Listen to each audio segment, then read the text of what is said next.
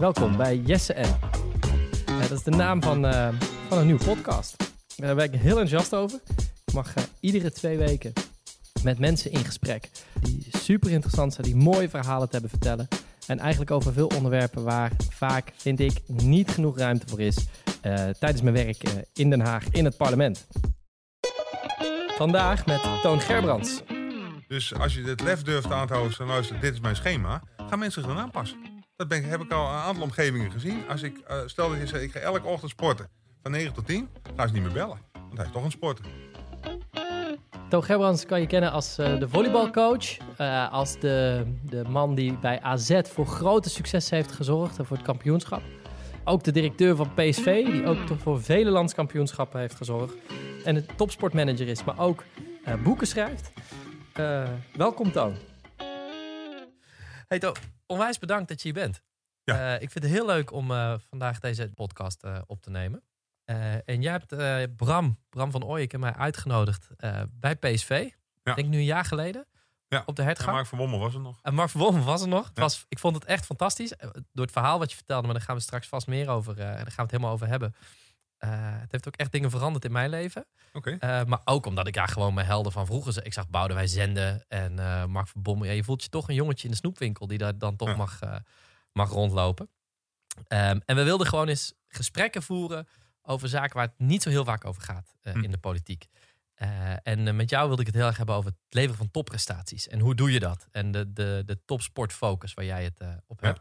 Ook omdat jij wordt veel, je krijgt er veel kritiek op, maar echt uh, hele interessante boekjes. ik heb veel gelezen over de afgelopen tijd wat er is gebeurd. Gewoon hele interessante boeken heb geschreven over leiderschap, wat het betekent en uh, in uh, iedereen fit genoeg om te presteren. Daar, ja. daar begin je eigenlijk over de politiek. en dan zeg je um, als een bewindspersoon bij, bij Mark Rutte komt, dus, dus er is verkiezingen zijn geweest, ja. er is een formatie, de nieuwe premier gaat mensen selecteren. Uh, dan wordt er wel een vraag gesteld over fitheid. Maar wat wordt er nou eigenlijk gezegd? En wat gebeurt er als een nieuwe minister zou zeggen: ja, dat is goed, ik doe het. Maar ik, wil, uh, uh, ik, ik, bepaal mijn eigen agenda, niet ambtenaren, niet de secretaresses. Ik wil zoveel tijd vrij hebben om, sport, om, om te sporten. Ja. Zou zo iemand worden aangenomen? Nou, vond ik ja, een interessante dat, vraag. Dat om, was, nou ja, het grappige was dat het ook voor de eerste keer was. Er lekt natuurlijk al dingen uit. je wordt getest als minister op het feit dat je vroeger geen rare dingen hebt gedaan, je belasting goed hebt betaald, maar ook weer fit genoeg was. Ja. En daar werd ik door getriggerd. Want toen dacht ik van, ik hoorde dat op, uh, bij BNR of BNR'ers. dacht ik, ja, dat is, de, de vraag is niet fitheid, ze bedoelen gezondheid. Maar het gaat om fitheid. Dus hoe fit ben je?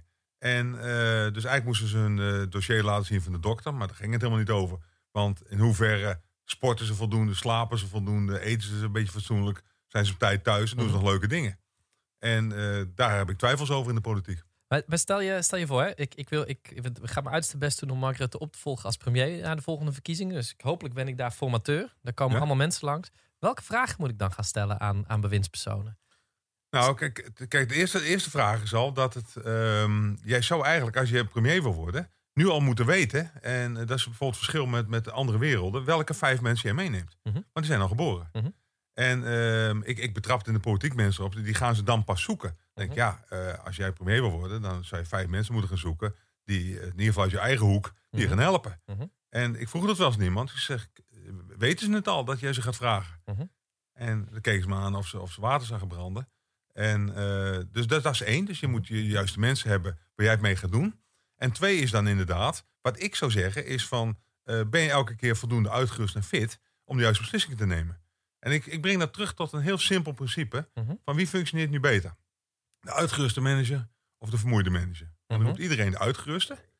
En uh, dan gaan we dus een analyse maken van de, van de politiek. -huh. Ze werken te hard, ze zijn te weinig thuis, ze bewegen te weinig, ze eten onregelmatig en ze slapen te weinig. Nou, dat is het, uh, het, het moment om fouten te gaan maken. Het is leuk wat je nu zegt over slapen. Uh, toen wij bij, op de hertgang waren, toen um, pakte je mij heel hard aan toen uh, zei ik, uh, toen ging het over hoe, we hoe ik leefde, wat, wat ik, uh, hoe ik met, met het leveren van prestaties omging. Zei ik, nou, eigenlijk gaat alles best wel goed over hoe ik, hoe probeer te eten en, en mijn sporten. Dat is trouwens de laatste tijd minder gaan. Maar toen lag dat allemaal op schema. Ik zei, het enige wat niet lukt is slapen. En toen, toen, toen, ehm, toen zei hij, ja, en ik zei, ja, nou ja dat, dat, kan gewoon niet. Je moet echt goed slapen. Zeg ik, ja, ho, maar ik heb kleine kinderen. En toen was je echt, nou, ik dacht, nu krijg ik gewoon toch even een partijtje medeleven. Ja, dat snap ik. Nou, snoeihard. Zei je, dat is echt geen excuus. Nee. En ehm, toen zei, e- eerst zei van, ja, nou ja, sorry dan, eh, als je echt die prestaties wil leveren, eh, dan moet je vrouw maar eh, uit bed. Dan komt het maar op hard. Zeg ik, nou, dan heb ik thuis een probleem als ik, dit, als ik dat zo vertel. En toen zei je, oké, maar dan moet je wat anders doen. Dan moet je die slaap op andere momenten inhalen. Ja. Dat ben ik gaan doen. Oké. Eh, en dat is echt, dat, heeft, dat is wel echt, nou, life-changing wil ik niet zeggen, maar het heeft me wel, eh, dat heeft me wel geholpen. Dus wat ik ben gaan doen is eh, voor belangrijke debatten, als ik inderdaad slecht heb geslapen, veeg ik 's ochtends de agenda leeg. Dus ik breng wel mijn ik ga op tijd eruit. Ja. moet, dat, doen, dat doen die kinderen wel. Maar dan ga ik, dus veeg ik mijn agenda 's ochtends leeg en ga ik slapen. Of als ik s'avonds naar een praatprogramma ben geweest, veeg ik de agenda 's ochtends leeg, kinderen naar school, ga ik een paar uurtjes En dat bevalt het natuurlijk. en dat bevalt top. Ja. En je, eigenlijk word je er dus, je wordt er dus inderdaad beter van. Ja. Want je denkt, nee, ik moet doorwerken. Ik moet het goede voorbeeld geven aan mijn organisatie, aan alle mensen die er werken. Hard werken. Maar eigenlijk bevalt het Ja. echt prima. De meeste tijd van de voorbereiding gaat in slapen zitten. Nee, maar het grappige is natuurlijk dat... ehm, ik, ik ben ooit in Australië geweest. En toen, eh, toen vroeg iemand van... Kent u de slaappatronen van uw spelers? Ik was toen nog Mhm. wat jonger. Wij probeerden ons wat eruit te redden, maar dat lukt natuurlijk niet. En toen zei de man... Dus een derde deel van je leven interesseert je dus niks. En, eh, want een derde deel van je leven slaap je. En als dat goed gaat, dan ben je uitgerust. En eh, ook bijvoorbeeld als ik bij, bij, bij grote ondernemers ben... dan zeg ik van, ja, u weet wel wat een goede auto is... maar wat is nou de beste matras ter wereld? Want eh, u, slaapt, en, u zit meer, slaapt meer dan u in de auto zit. Ja. Dus het is ook een mindset die een beetje Ja. creëert. En inderdaad, ik denk dat jij zelf een voorbeeld geeft. Als je uitgerust bent, ben je scherper, ben je beter. En dus zou, zou je eigenlijk zo'n periodisering moeten hebben. En die heb je dus nu blijkbaar. Zegt, ik ben uitgerust aan de start. Hey, ik, ik, even terug hè, naar, naar eh, dat premierschap. Ik snap, je zegt, eh, je, je moet nu al mensen zoeken natuurlijk. Maar de vraag over die fitheid, of ik het nou straks stel of dat ik het nou nu stel. Ja. Wat zijn de vragen om, ze, om, om, om, om erachter te komen eh, hoe, hoe fit genoeg iemand is? Nou, het begint met jezelf. Kijk, ik, ik ben, interessante vraag is, wat is, wanneer is er sprake van succes? Mhm. Dat is ook een interessante vraag die ik ook wel eens aan andere politici stel. Mhm. Als je nou zegt, ik ben nu het eind van het jaar, of over een jaar zijn de verkiezingen, wanneer is er nu sprake van succes?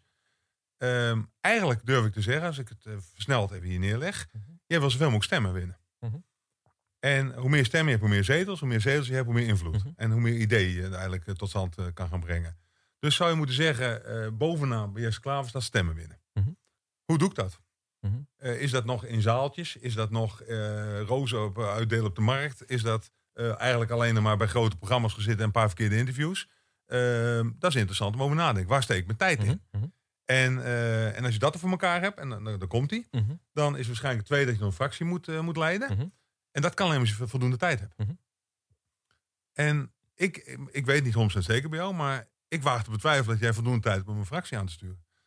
Mhm. Omdat je zo druk bent en Mhm. met zoveel dingen bezig bent, Mhm. dat je. Want kijk, ik roep altijd: ik heb bij PSV 250 mensen werken. Als 249 mensen hun best doen en ik niet, heb Mhm. ik een wereldtent. Mhm. Ik ben afhankelijk van jongens van 18 tot 22 jaar. die eh, veel meer verdienen dan een directeur. Mhm. Eh, met tattoos en met oorbellen. Als zij die bal erin schieten, vinden ze mij een goede directeur. Ja. Dus de kunst is dat je als leider andere mensen moet laten functioneren. Ja. Dus daar, daar begint het feest mee. Dus, dus ik zou beginnen met de leider die moet voldoende tijd moet hebben. Ja. En, ehm, en die andere mensen helpt. Mhm. Dat is mijn definitie van leiderschap, Mhm. Mhm. om maar zo te zeggen. En daar gaat het al heel vaak fout. Want eh, ik moet tijd hebben om met mensen te praten.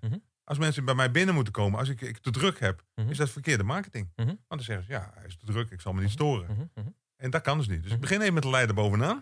En ja, dan zou ik vijf mensen bij me halen. En dan, eh, dan ja, op elk gebied eh, zijn ze ergens goed in. En dan zou ik weer afspraken maken. Het allereerste wat je moet doen is het eerste gesprek is het allerbelangrijkste. En als jij dan uitstraalt van eh, hoe gaan onze vergaderingen? Waar steekt iemand zijn tijd in? Mhm. En hoe gaan we met elkaar om? Mhm. Dan los ik het op. Mhm. En ehm, ja, dus ik, ik ben daar eh, zelf altijd heel makkelijk in. Dan denk ik, jongens, eh, ik, ik haal mensen in dienst die iets beter kunnen dan ik. Ja. En daar denkt de politiek ook niet zo vaak. Want die denken overal verstand van hebben. Ik dus niet. Nee, wat, nou, wat, ik, wat ik interessant vind, wat, wat, wat mij aan het denken heeft gezet, waar ik zelf mee bezig ben geweest. Kijk, die vragen over fitheid, die kan je stellen. Hè? Dus hoe fit is iemand? Hoe, eh, je kan afspraken maken en papier is geduldig. Ja. Alleen dat doe je ook niet met, jou, eh, met jouw sterspelers. Eh, want jullie volgen ze helemaal. Ik vond het wel schokkend bijna dat je zei: Oké, wij, ze- het liefste ze- wil je, je wil hun slaappatroon volgen. Dus van die, van die Fitbits, hè, van, Ja. van, die, van die horloges om. En eigenlijk kunnen we dan zien of ze, of ze voor de, de avond voor de wedstrijd... op welke tijd ze ongeveer seks hebben gehad. En of dat... of, dat, dat, dat verhaal kwam uit Australië. Ja. Dus dat, eh, Australië vertelden ze dat. Dus Ja. ja. als wij de slaappatronen bijhouden, daar, daar, daar, daar praten ze op een hele aparte manier ook over. Ja. Eh, die, die sporters maken ze er ook niet meer druk Nee. over. En, eh, maar het- waar het om gaat is natuurlijk maar één ding. De bedoeling van dat slapen is dat als iemand een uur korter slaapt, om welke reden ook, omdat hij vader is geworden of het Mhm. een keer minder gaat, neemt de kans op blessures ook 10% toe. Ja. En ons kapitaal is dan weg. En als je de biografie van Clinton leest, dan zegt hij, de enige fouten die ik gemaakt heb in mijn leven was omdat ik vermoeid was. Mhm. En niet omdat ik eh, goed uitgerust was. Maar hoe ver ga je in, in, in, in, het, eh, in mensen die op topniveau moeten presteren? Hoe ver ga je in, in, in het volgen Ja. van, van ja, hun, hun, Nou ja, hun fitheid? Kijk, Nederlanders zijn sowieso een beetje anti-autoriteit. Dus als we dat dan doen, krijg je allemaal vragen van eh, zoek het uit. En dat zal ik zelf wel even bepalen, even hoe het, hoe het in elkaar steekt. Aan de andere kant, precies jij vertelt, de politici beslissen gigantische dingen Ja. over de hele maatschappij. En dan heb ik toch wel liever mensen die een beetje scherp en fit zijn, Mhm. dan mensen die inderdaad eh, half vermoeid. En kijk, we hebben natuurlijk laatst ook al een keer een situatie gehad dat eh, mensen achter een katheder half omvallen of eh, worden Mhm. afgevoerd. En ik weet de reden allemaal niet, daar gaat het niet over. Maar dat moet je niet te vaak hebben.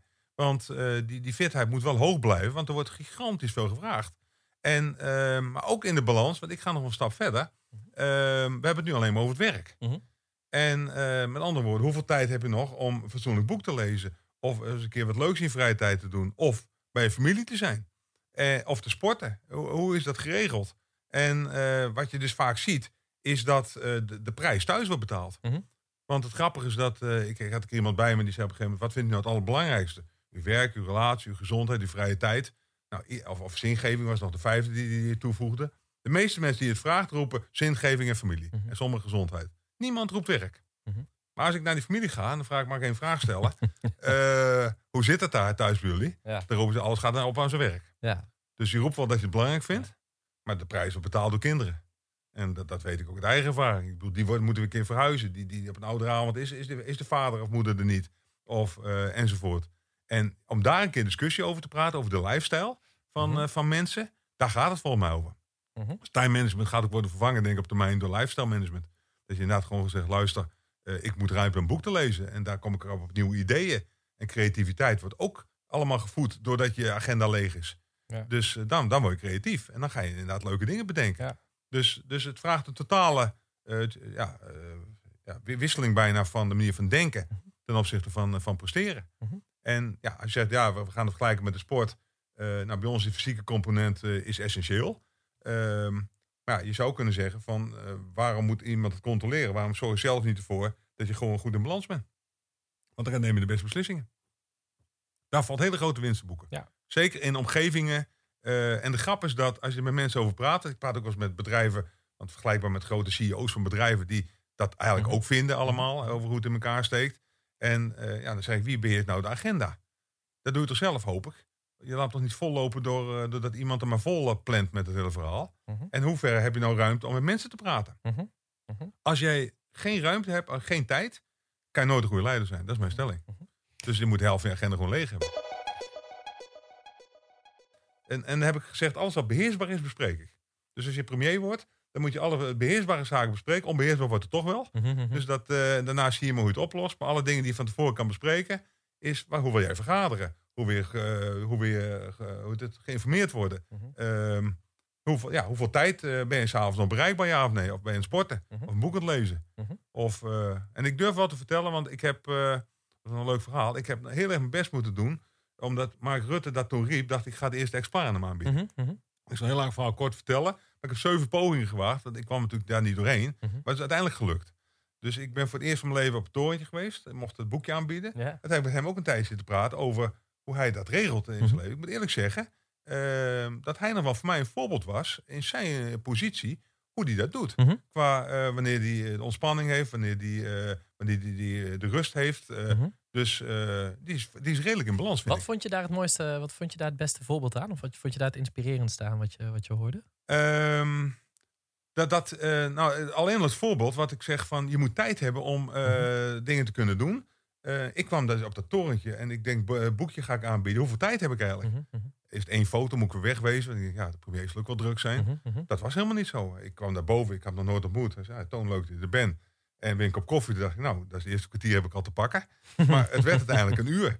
Dus ik zat een uur in het torentje met hem te kletsen over van alles nog wat. Ja. En dat vond, dat vond ik echt, eh, ja, eigenlijk is het niet bijzonder, maar ook wel wel bijzonder. Dat je denkt, ja, komt een boekje aanbieden, heeft de premier van het land van spreken niks beter te doen. Ja. Nee, die was, als, ik- zoals ik het een beetje inschatte, in balans. Heeft een bepaalde relaxedheid. Ik bedoel, en misschien is het natuurlijk de politieke tegenstander, maar als mens, zoals hij erin zat, Mhm, zal ik mhm, eerlijk mhm. zeggen, eh, heeft hij na zoveel jaar wel die balans gevonden Ja. om eh, en naar muziek te luisteren, klassieke muziek en andere zaken te doen. En, eh, nou ja, en hij, was, hij vertelde gewoon echt leuk. Hij kwam net bij Trump vandaan, hoe, de, hoe zoiets dan gaat. Ja, ja. En, en ik, die blijft helemaal zichzelf. Echt een Nederlander die zoiets heeft van...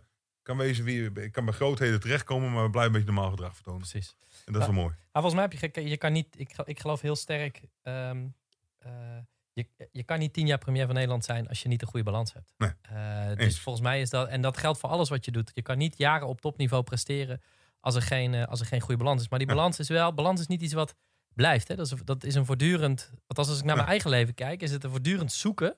En regelmatig raak je hem even kwijt. Of dan zit je weer, omdat er iets verandert in je leven. Omdat er een, eh, in mijn geval, ik zit in de fase dat er kinderen, dat, dat, er- dat er kleine kinderen zijn en, en kleine kinderen komen. Die komen weer allemaal in andere slaappatronen terecht. Ik merk dat dat de, de meest bepalende, de grootste eh, bepalende factor is. En dat betekent iedere keer weer opnieuw afstemmen. En, eh, Maar ook, maar, maar ook het lef hebben, Mhm. want dat woord gebruik ik ook wel eens bij, om het anders te gaan doen. Mhm. Dat er gewoon te gaan zeggen, luister, ik ben weg of ik Mhm. heb het anders ingedeeld. Want het is natuurlijk een soort cultuur, eh, elke omgeving. En denk je, ja, zo wordt een kabinet geregeld, zo Mhm. wordt de vergaderingen geregeld enzovoort. Dus, en het ligt altijd aan jezelf om Mhm. het weer anders te, Mhm. te doen. Hey, ik, ik, ik, ik, heb- zodra wil ik nog iets vragen over jetlag management. Eh, maar ik, ik, als je dit zo zegt, corona heeft natuurlijk ook een hele, de, de hele coronacrisis heeft onze hele manier van, van, van, van eh, werken veranderd. Ja. Ik weet niet hoe het bij jullie op de is, maar Ja. bij ons werken onwijs veel mensen werken nu thuis. Ik heb zelf na de eerste weken 100% thuis gewerkt, daarna 90%, 80% en nu zit ik op ongeveer eh, de helft. Ja. Ik denk niet dat dat, ik denk dat dat gaat blijven eh, eh, voor een heel Ik ook. belangrijk deel.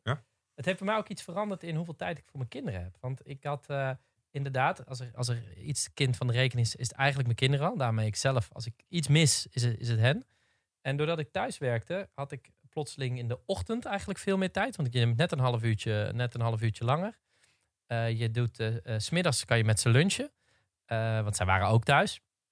Ehm, en dan s'avonds tussen, tussen zeg maar vier of vijf. En dan stop je. En dan nou, tot, Hm. tot acht, tot ze in bed liggen, ben je gewoon met hen bezig. En dan s'avonds ga ik wel weer verder werken. En waar ik achter kwam, is dat ik net zoveel werk verzette met Ah. dat schema. Als dat ik van, als dat ik van, van 's ochtends vroeg tot 's avonds laat eh, doorwerk. En dat is een schema wat we nu proberen, nu ik wel weer op de zaak ben, wat we proberen door te trekken. Door ja, eh, eh, niet, niet je hele dag vol te plannen, Ah. maar eigenlijk dat blok tussen vier en, en acht.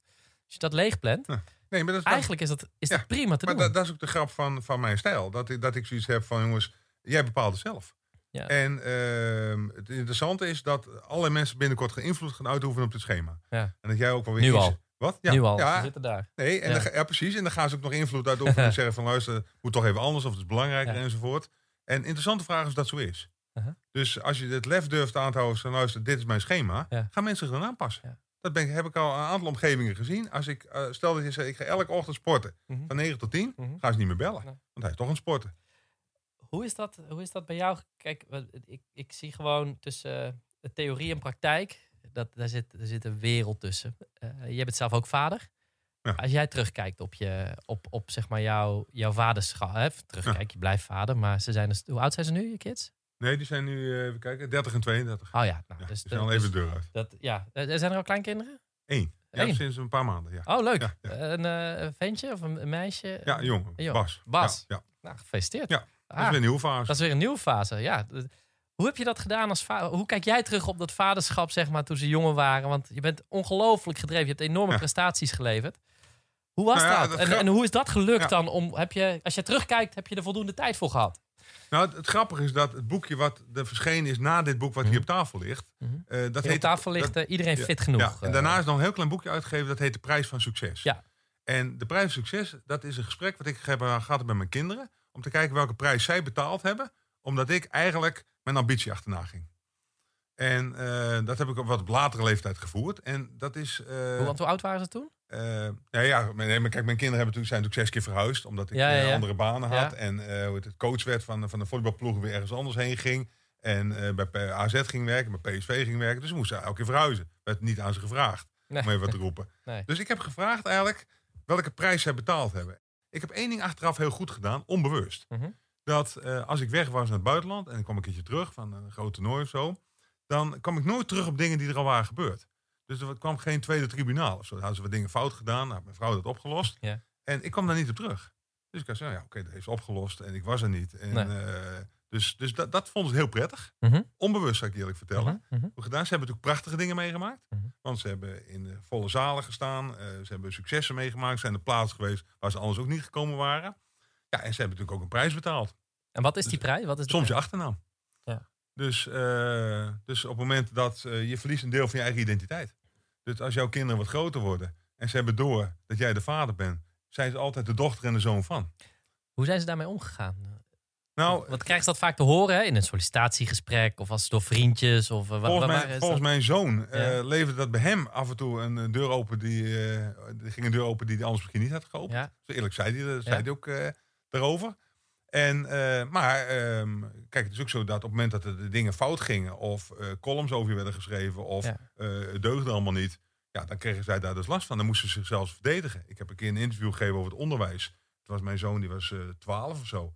En die werd uit de klas gehaald door de directeur van die school. En Nee, eh, ja, ja, dat soort dingen gebeurden ook. Dat, dat, ik had kritiek gehad op het onderwijs en dat, dat stond hun niet aan. En, en wat doe je dan? Als Ik ga naar school doet? natuurlijk. Ja. En ik ga ze even uitleggen dat hij mij moet bellen en eh, mij moet vragen wat ik, eh, wat ik daarvan vind. En dan mag hij met mij ook over discussiëren. Maar mijn zoon heeft niks mee te maken. Nee. Punt. Nee, dus maar let op mijn woorden. als ze straks wat ouder gaan worden, dan is door wat gedrag wat jij dus laat zien, of de beslissingen die je neemt, gaan die kinderen daar Ja. last van krijgen. En Ja. dat is heel interessant hoe je dat moet managen. Ja, nou, dat is. eh, Als, ik, ik, ik kan oprecht zeggen dat ik eh, zelden wakker lig. Maar als ik, als ik ergens van moet wakker liggen, is het wel over wat de invloed van mijn werk is eh, op mijn kinderen. Wat ik lastig vind in, in balans creëren, is voor je, tijd voor jezelf. Heb ik, kan ik me soms best wel schuldig over voelen. Tijd voor mijn kinderen voel ik me nooit schuldig over. Hm. Want, dus, dus dat is voor mij de tijd om. om ja, eigenlijk Ja. alles wat ik doe, doe ik met die kids. Dus ik sport nu veel te weinig. Omdat als ik vrij ben, eh, ben ik eigenlijk altijd met mijn kinderen. Maar goed, dan ga ik gewoon een peuter boven. Ga ik met een peuterbank drukken. Of, eh, of, eh, Nee, of toch- met z'n 30 kilometer Ja, met z'n fietsen. Dan heb ik ook met, met twee kinderen in je bakfiets. Dan heb je ook toch, je, je, toch ook beweging gehad. Is dit interessant? Ik heb ooit een keer met, met iemand die mij een keer hielp en een beetje liep uit te Mhm. dagen. Die zei ik tegen mij, maak nou eens je ideale week. Mhm. Hoe ziet je ideale week er nou uit? Eh, weer nog thuis zijn met eten. Mhm. Weer nog twee keer Mhm. sporten in de week. eh, weer nog werken. Als het niet stop je ermee, zei hij. Maar nou, werk vind ik nog wel leuk, dus, dus dat stond er ook wel in. Maar ze maakt nou eens het schema. En je gaf net al aan van hoe het nu gaat onder invloed van de corona en thuiswerken. Ik had dat schema gemaakt. En ik leverde dat in bij hem. En toen keek hij niet eens en zei, zo gaan we het doen. Ik zei, maar even eens kijken wat erin staat. Hij zei, maar ze, waarom zou je het voor minder doen? En dat was mijn wake-up call. Toen dacht ik, ja, daar heeft de man helemaal gelijk in. Kijk, als ik dan eh, bijvoorbeeld eh, eh, bij een Rotary iets moet doen voor het goede doel... Mhm. dan weet iedereen in Eindhoven nu al... hij komt wel even langs om iets te doen. Ik, ik vind het niet echt leuk, zou ik even vertellen... maar dat, doe, dat hoort dan bij je job, om dat af en toe eens te doen. Ja, ja. Maar ik blijf nooit eten en drinken na afloop. Nee. En dan vragen ze, waarom doe je dat niet? Ik pas in mijn ideale week. En ik, dan leg ik uit van of ik, ga, ik ben thuis, ga een Mhm. glaasje wijn drinken met mijn vrouw, of ik ga hardlopen. En het gaat dus ook altijd door, drie keer in de week bij mij. Want dan staat een ideale week. Dus waarom zou ik het Mhm. niet doen? Mhm. Dus jij roept, ik heb wat minder tijd om te lopen. Dat ligt aan jezelf. Mhm. Ja, zeker. Nou, ik, 100%. zeg, ik zeg niet dat het aan de. de- ik, kijk, eh, volgens mij moet je nooit excuses buiten jezelf zoeken. Ik, dat is- het was geen excuus. Ik merk dat ik, zoals ik het zei, ik vind het moeilijker om eh, verplichtingen te skippen als het over mezelf gaat, zeg maar. Of, of als het tijd over jezelf gaat.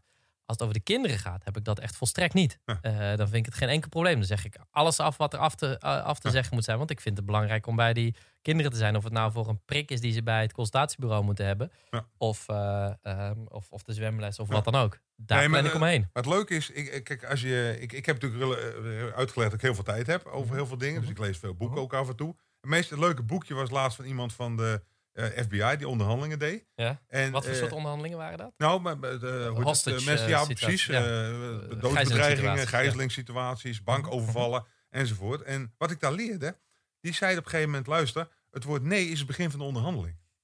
En, eh, want als iemand zei, maar ik schiet iemand dood, zei ze, dat eh, antwoord is nee, dat doen we niet. En dacht ik, ja, maar dat is een risico. En toen legde hij dus uit, als je ja zegt, gaan mensen twijfelen, denken oké. Eh, dus als het moment dat ik zeg, eh, kan ik morgen een lezingje voor jou doen bij, bij, bij GroenLinks? Ik roep nee.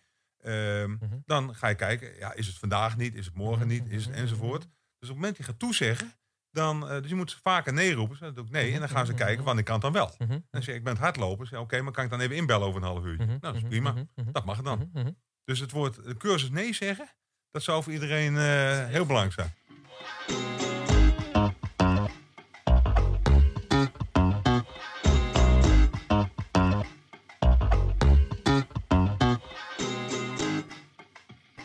Hey, ik had, ehm, je, je raakt net iets aan. We komen daar toevallig eh, eh, terecht. Zoals we op heel veel onderwerpen volgens mij zo toevallig terechtkomen. Wat heel fijn is. Je had het over ehm, ehm, eh, de FBI en, en de bedreigende situaties. Het was een zwaar jaar afgelopen jaar voor PSV. Dus ik ben benieuwd hoe jij dat hebt ervaren. Maar dat ging ook gepaard met bedreigingen. Ja. Hoe ga jij met die bedreigingen? Zijn mij niet vreemd. Maar Ja. hoe, ga jij daar, eh, hoe ga je daarmee om? Nou, dat was, ik zal ook eerlijk zeggen, in die, in die 18 jaar dat ik in betaald voetbal zat, was het ook de eerste keer dat het echt, echt echte bedreigingen waren. In de zin van dat ze overdachten om een busje bij mij voor de deur te zetten. En eh, dat ik niet meer naar mijn auto mocht lopen zonder iemand erbij. En Dus wat, dat, gebeurde eh, dat vanuit PSV of was dat vanuit eh, de politie? Ja, die dat, dat, die hebben samen contact Ja. daarover. Ja. Ehm, maar zo werd er in ieder geval al vergaderd. Dus om even aan te geven. Mhm. Omdat een bepaald deel van, ja, wat dan even aangezicht harde kern, eh, Ja, die, had, die was niet meer de hand Nee. te houden. En ehm, over de prijs gaan betalen van succes. Want als je iets wil, dan betaal je overal een prijs voor. Ja. En een bepaalde inzet die je moet, moet hebben. Ehm, ik heb gezegd, dat busje komt er niet. Ik ga niet aan mijn buren vertellen eh, dat, het, dat het zo is. En als er wat gebeurt, zie ik het wel. Ik neem zelf het risico wel. en eh, ik heb alles afgewezen. En, eh, maar ik heb op een gegeven moment ook, want het duurde bij ons te lang. ehm, dan ga ik ook een avond zitten met die harde kern. Ja. Die nodig ik gewoon uit. Op kantoor bij mij. En dan ga ik mee in gesprek. En, ehm, en dan zeg ik, luister ik vind het prima dat jullie kritiek hebben. Ik vind het prima dat er spandoeken hangen. De spreekhoor accepteer ik ook een keertje. Maar eh, drie weken is genoeg. En niet vier, vijf en zesde week ook nog een keer. En eh, kijk, en, dus daar ga ik echt met ze over in gesprek. Mhm. Ik als jullie denken dat beter is dat de hele directie nu weggaat, dan moet je vertellen. Want die slag toch verliezen, moet je me vertellen. En eh, dat soort, dat soort overleg kan bij ons in Eindhoven kan dat nog. Mhm. Er zijn natuurlijk een aantal omgevingen waar dat totaal kansloos is. Dus daar zal ik ook eerlijk over zijn. wat, wat voor omgevingen zijn dat? Nou ja, kijk, als je, als je praat over eh, Amsterdam en Rotterdam, Ja. dat, dat is, en er zijn nog wel een paar clubs waar, de, waar het nog veel heftiger is allemaal. Ja. In Eindhoven is het nog te, te, te, te doen. Dus dat, dat vind ik wel lekker. Eh, en dat, ik praat met ze in goede en slechte tijden hoor, Mhm. eh, in het hele verhaal. Maar het was voor het eerst dat ik dus, ehm, ik had vroeger nog geen camera's thuis. Dat moest wel even gebeuren. Eh, al was maar voor mijn vrouw. Want dat heb je wel, want je zei zo'n busje doe ik niet, maar je hebt wel camera's. Ja, maar dat had met thuisgrond te maken. Kijk, Ja. als ik, als ik het dan niet altijd was eh, en dan hangt de kamer, dan kan ik wel nog zien wie er aan eh, belt. ja. En, en er gebeuren ook wel leuke dingen. Want er was op een gegeven moment ook een jongen die. Er werd om kwart over negen, toen was ik s'avonds niet thuis, werd er gebeld. een jongen van 16 stond aan de deur. Dus mijn vrouw dacht eerst, ja. wat is dat?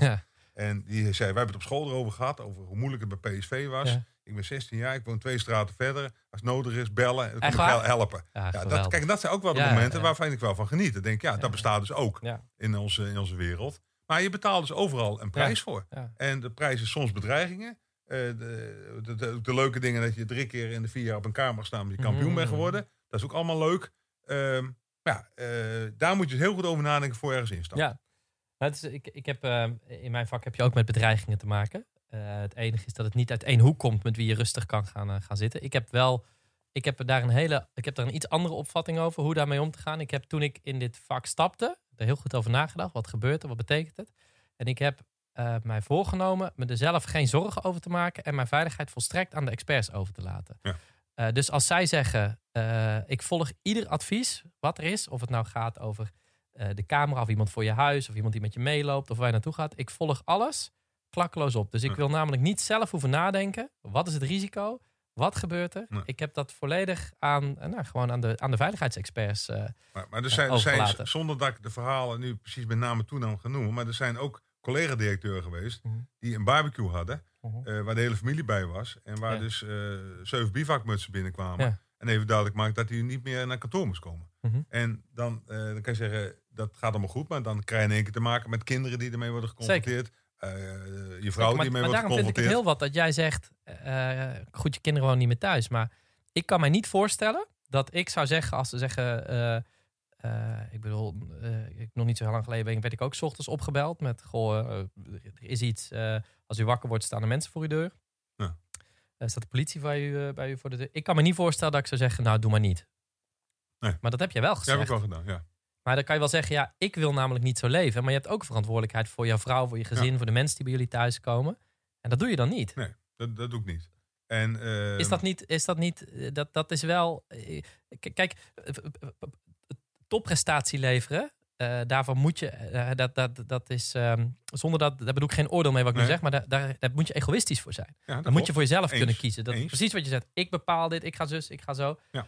Maar de grens, als het gaat over de veiligheid ook van anderen, dan vind ik het best heftig als je zegt, nou ja, Ja. ik vind dat niet passen, dus heb ik dat afgewezen. Ja. Maar er zijn... eh, Want dat is niet jouw vak, veiligheid. nee. Je zegt, ik luister, naar, gaan? ik luister naar Als, je- experts. als jouw kinderen Ja. eh, alleen maar school kunnen met eh, politiebegeleiding. Ja. Dat is nogal wat. Ja. Als het zover zou, Ja. zou gaan. En eh, ik weet wel, over veiligheid wordt weinig gesproken, omdat ze het niet willen delen. Om al mensen niet wijzer te maken dan, Mhm. eh, dan ze zijn. Dat weet ik hoe dat, eh, hoe dat in elkaar steekt. Maar is dat dan niet de grens? Ik denk, ja, Mhm. ik, ik, ik wil heel ver gaan. Ik wil heel veel dingen doen. Eh, aan de andere kant is de spagaat van dit soort dingen. Dat als je hier aan toegeeft, dan eh, dat betekent dus dat de hele maatschappij kan worden gemaakt door een aantal mensen. Die denken, ik ben het niet mee eens. En ik ga alleen maar de mensen steunen die, ik, eh, die me aanstaan. Nee, maar volgens mij is niet het punt. Kijk, want, want ehm, wat ik altijd ook heb gezegd, heb ik me ook voorgenomen.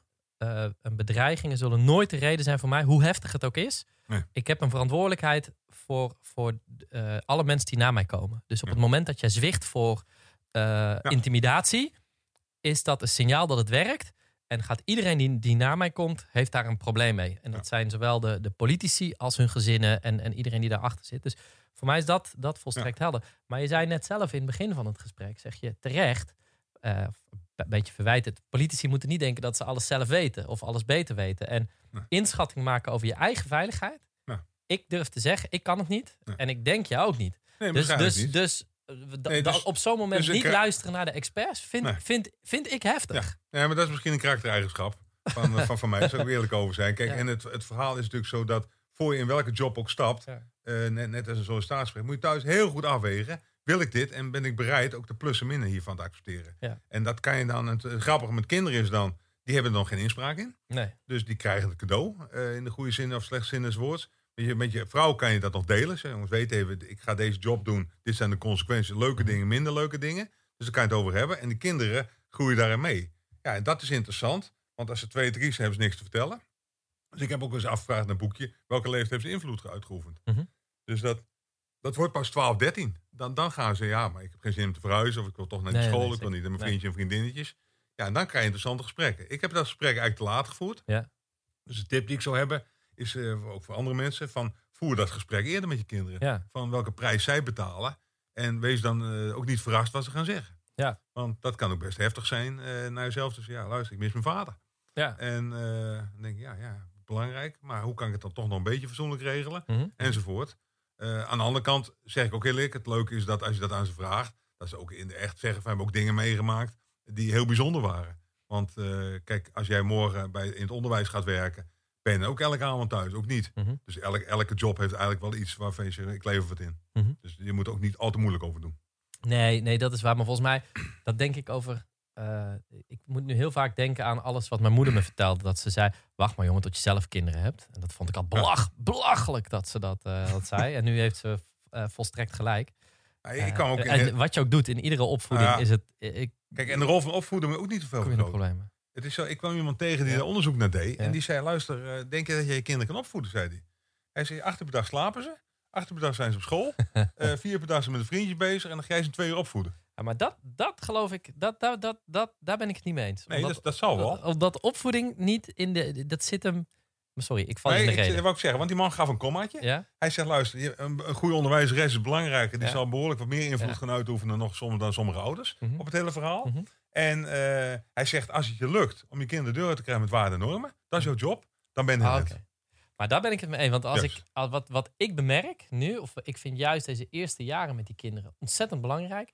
En uiteindelijk gaat het over waarden en normen. Ja. Het belang van eh, discipline, hard werken, oefenen. Dus ik, eh, de, de, de, een van de eerste zinnetjes die, ze, die ik ze leer is eh, oefening baart kunst. Niet, ik kan het niet. Ik- Papa wil uren met je oefenen. Ja. Maar oefenen, oefenen, oefenen. Je kan iets niet gelijk. Dus dat is zo zo'n. Dat, Ja. dat zijn eigenlijk allemaal lessen die ik mee heb gekregen toen, ik, toen ik klein was. En mijn opa, die heeft wel eens gezegd. Aan het einde van zijn leven zei hij: Het spijt me dat ik je altijd wat probeerde bij te brengen. Ik heb nu dat, dat gesprek met mijn, eh, met mijn vrouw regelmatig, omdat ik dan probeer ik ze van alles, eh, probeer ik ze van alles bij te brengen. Dus gisteren zaten we, aan- gisteren zaten we in de tuin. Mijn oudste is zes. En eh, zijn broertje van vier, die was geschopt op het schoolplein. Dus dan zegt hij, ik ga met al mijn vrienden, gaan we dat jongetje gaan we pakken. We gaan vechten, ik wil, ik wil vechten. Wat heel belangrijk is, is eigenlijk je hele houding die je hebt. Hè? Wat mij altijd, en, en de lessen komen terug van toen ik die leeftijd zelf had. Waarin werd gezegd, nee, je moet niet vechten. Je hele houding moet zijn, als je met mij vecht, krijg je een probleem. Waardoor niemand met je gaat vechten. Je moet het gevecht winnen voordat je het aangaat. Ja. Mijn vrouw zegt echt, gast, ventje is zes. La- Laat hem joh, dit is gewoon grootspraak. Maar ik kan het toch niet laten om, om hem iets bij te brengen Ja. over het belang van houding. Je niks aantrekken, een gevecht winnen zonder iemand op zijn gezicht, eh, op zijn gezicht eh, te slaan. En ik geloof wel degelijk dat je daar als ouder in dat soort lessen, in nou, de, de, de boeken, de kritiek die je krijgt, de tegeltjeswijsheden. Ik geloof dat je een leven kan bouwen op tegeltjes. Ja. Eh, omdat het je namelijk iedere keer houvast geeft in situaties om terug te vallen op die tegeltjes. Oefening baart kunst. Ja. Eh, we trekken ons niks aan als iemand. eh, ik zeg altijd, wij zijn klaafjes, wat mensen ook ons van ons vinden. Ja. De boom in. Het zegt meer over die mensen dan over jou. Nu snappen ze daar geen reet van. Maar ik ben ervan overtuigd dat het blijft hangen bij kinderen, dit soort dingen. En dat als ze later groot zijn, dat ze erop terug kunnen vallen.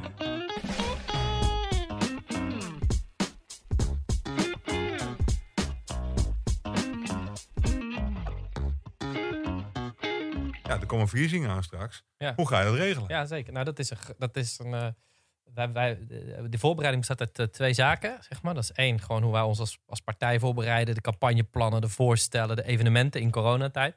En met Jolijn heb ik het gesprek. Hoe gaan we dit thuis organiseren? Hoe, hoe gaan we dit optimaliseren? En eh, dat is... ehm, Ja, kijk, Dat en wij, eh, en wij zitten ook nog, en ik weet niet hoeveel jullie erin zitten. Wij zitten op dit moment in een complete datawereld. Ja. Eh, dus wij weten eh, exact, als je nu vraagt van eh, bij PSV eh, hoeveel families kunnen naast elkaar zitten. mhm, mhm. Eh, hoe laat komen ze? Komen, Mhm. komen ze wel als ze geen shirtjes brengen? In één keer bleek bij de harde kern dat daar natuurlijk geen chips werden verkocht. Nee. Dat, hadden we, dat hadden we nog staan. Ja. Maar bij de kinderen natuurlijk wel. Ja. Dus, dus het is ook heel interessant om, om over na te denken van... waarom gaan ze op GroenLinks stemmen?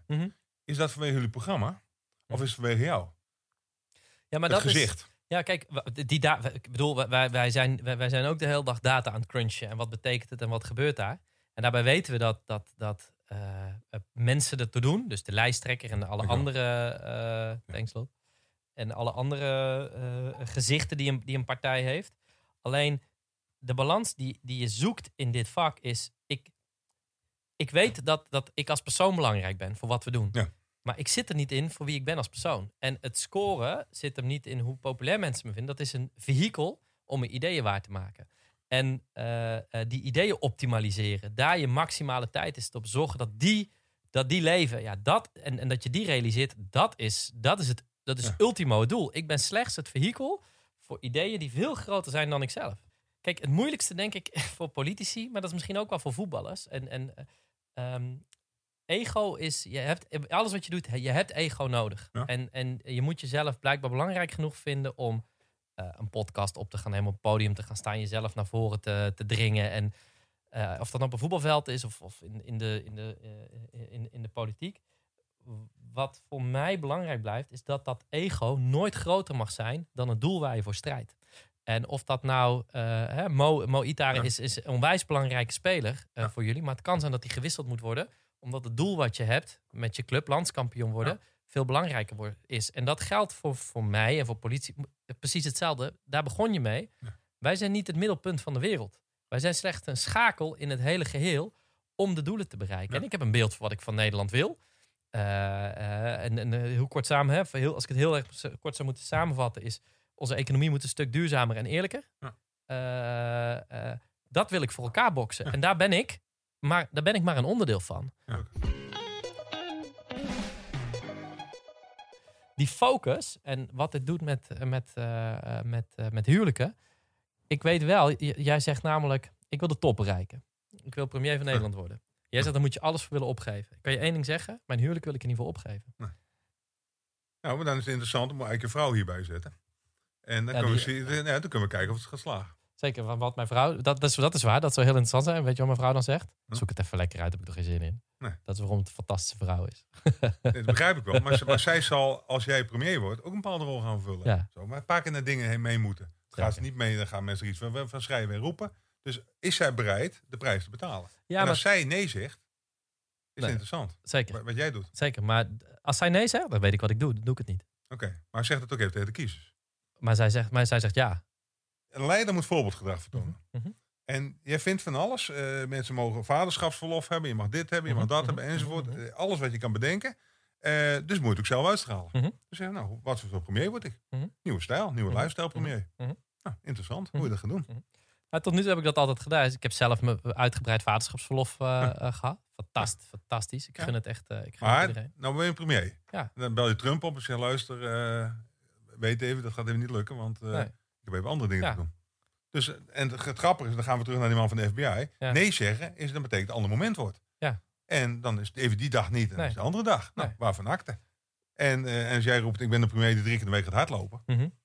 Dan gaat dat dus altijd Mhm. door. Mhm. Tenzij je niet karakter hebt om nee te zeggen. Ja, ik ben nu een beetje te uitdagen, maar... eh, Nee, het is. eh, gelukkig gaan we bijna naar het einde. Nee, nee, kijk, dat is waar. Nou, en vooral. Ehm, ehm, maar goed, eh, de- de- ik wil niet vooruitlopen op kinderen. Maar voor mij is. eh, ik heb bij mijn eerste zoon, dus de, de oudste. eh, zou ik twee weken verlof opnemen. En dat heb ik toen over nee kunnen zeggen. Nee zeggen moet je leren. Ik ben, denk Dat dat, klopt. Ik, ben er, ik denk dat ik er nu. Ik weet, niet, ik, ben er, ik weet niet of ik er zo goed in ben als jij. Maar ik denk dat ik aardig goed ben geworden in nee zeggen. Maar dat is wel door schade en schande. Ja. Eh, want toen mijn oudste zoon werd geboren, zou ik twee weken vaderschapsverlof hebben. En na een week werd gebeld en anderen zouden mijn taken overnemen. We waren toen maar met z'n vieren. Eh, sorry. En toen zei je, ik schop, ik zeg sorry tegen want ik, ik, eh, ik schop tegen zijn lange, zijn lange benen aan. onder tafel. Ehm, en, en toen werd ik gebeld. Ze zei, ja, er zijn gesprekken over pensioenen. En eigenlijk is het allemaal te technisch. Jij bent de enige die dat nu zo kan, die dat kan. Kom maar langs. Ja. Of kom, kan je weer terugkomen? En ik met mijn goede gedrag heb ik ja gezegd. Hm. En daar heb ik tot op de dag van vandaag spijt van. En daar heb ik me dus ook voorgenomen bij me, toen mijn andere kinderen werden geboren. Dat ga ik never nooit, doen. dat ga ik Nee. niet meer doen. Nee.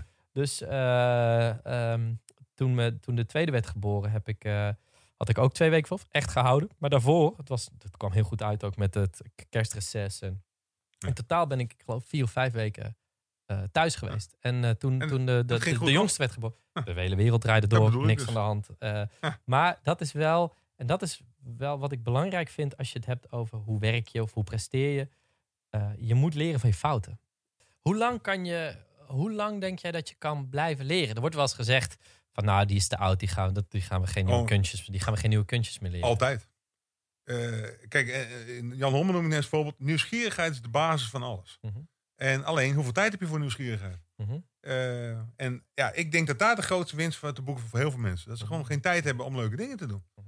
En dus eventjes, want eh, als je leuke dingen, interessante dingen gaat bespreken. Je neemt hier nu de, de, de tijd, een uur of anderhalf uur, om een keer, een keer te spreken. Nou, dan pik je misschien even de dingen uit op. Was je nu in de kamer gezeten, had je niks eh, geleerd. Of niks eh, ontwikkeld. Of niks geïnspireerd. En ook als je niks leert is goed, want dan ben je redelijk bij. Dus zo kan je het ook nog een keer zien. Dus ik, Ja, dat, de wereld gaat zo hard. Je moet, nee, je moet, je moet klopt. blijven. Ja, maar blijven heel veel tijd heb je daarvoor. Dus om, Nou, om nieuwsgierig te blijven en boeken te lezen en interessante mensen tegen te komen. Als je geen tijd hebt gehad op de hertgang te komen, hebben we hier ook niet gezeten. Nee, nee, nee, nee. nee. Voor mij werk ik, merk ik in wanneer word ik ongelukkig, zeg maar. Of wanneer heb ik ik heb altijd plezier in mijn werk. Dus of ik nou bedreigd word, of het nou eh, eh, heel hard moet Ja. werken, of, maar wanneer word ik ongelukkig? Als ik niet meer eh, verrast word. Want dan kan je zeggen, dan heb je Ja. alles geleerd. Nee, dan betekent het dat ik, dat, ik, dat, dat ik niet genoeg uitdaging heb. Dus je moet verrast blijven, blijven worden. Tijd is tijd, zegt eh, een wijs man altijd. Ja. Eh, maar is er nog iets wat we echt. orde ja, moeten kijk, het, leuke van, vind ik zelf, van dit soort gesprekken is... ehm, ik ga je nou volgen. Dat was een onwijs inspirerend gesprek. Eh dankjewel, Toon. Wat we echt hebben geleerd, wat je volgens mij ook kan meenemen, is dat als je, dat je de baas moet zijn over je eigen agenda, je eigen keuzes maken. En als je een doel zet, dan moet je daar ook bereid voor zijn om daar opofferingen voor te doen. En daar volle bak op te focussen. Ja, dat is een topsportmentaliteit. Dankjewel, Toon, eh, voor deze lessen. Dit was eh, de podcast van deze keer. Eh, nogmaals dank aan mijn gast, Toon Gerbrands. Dank aan Dag en Nacht Media voor de productie. Voor meer info kijk ook op mijn YouTube kanaal, op Facebook en op Instagram. Dit was Jesse en tot de volgende.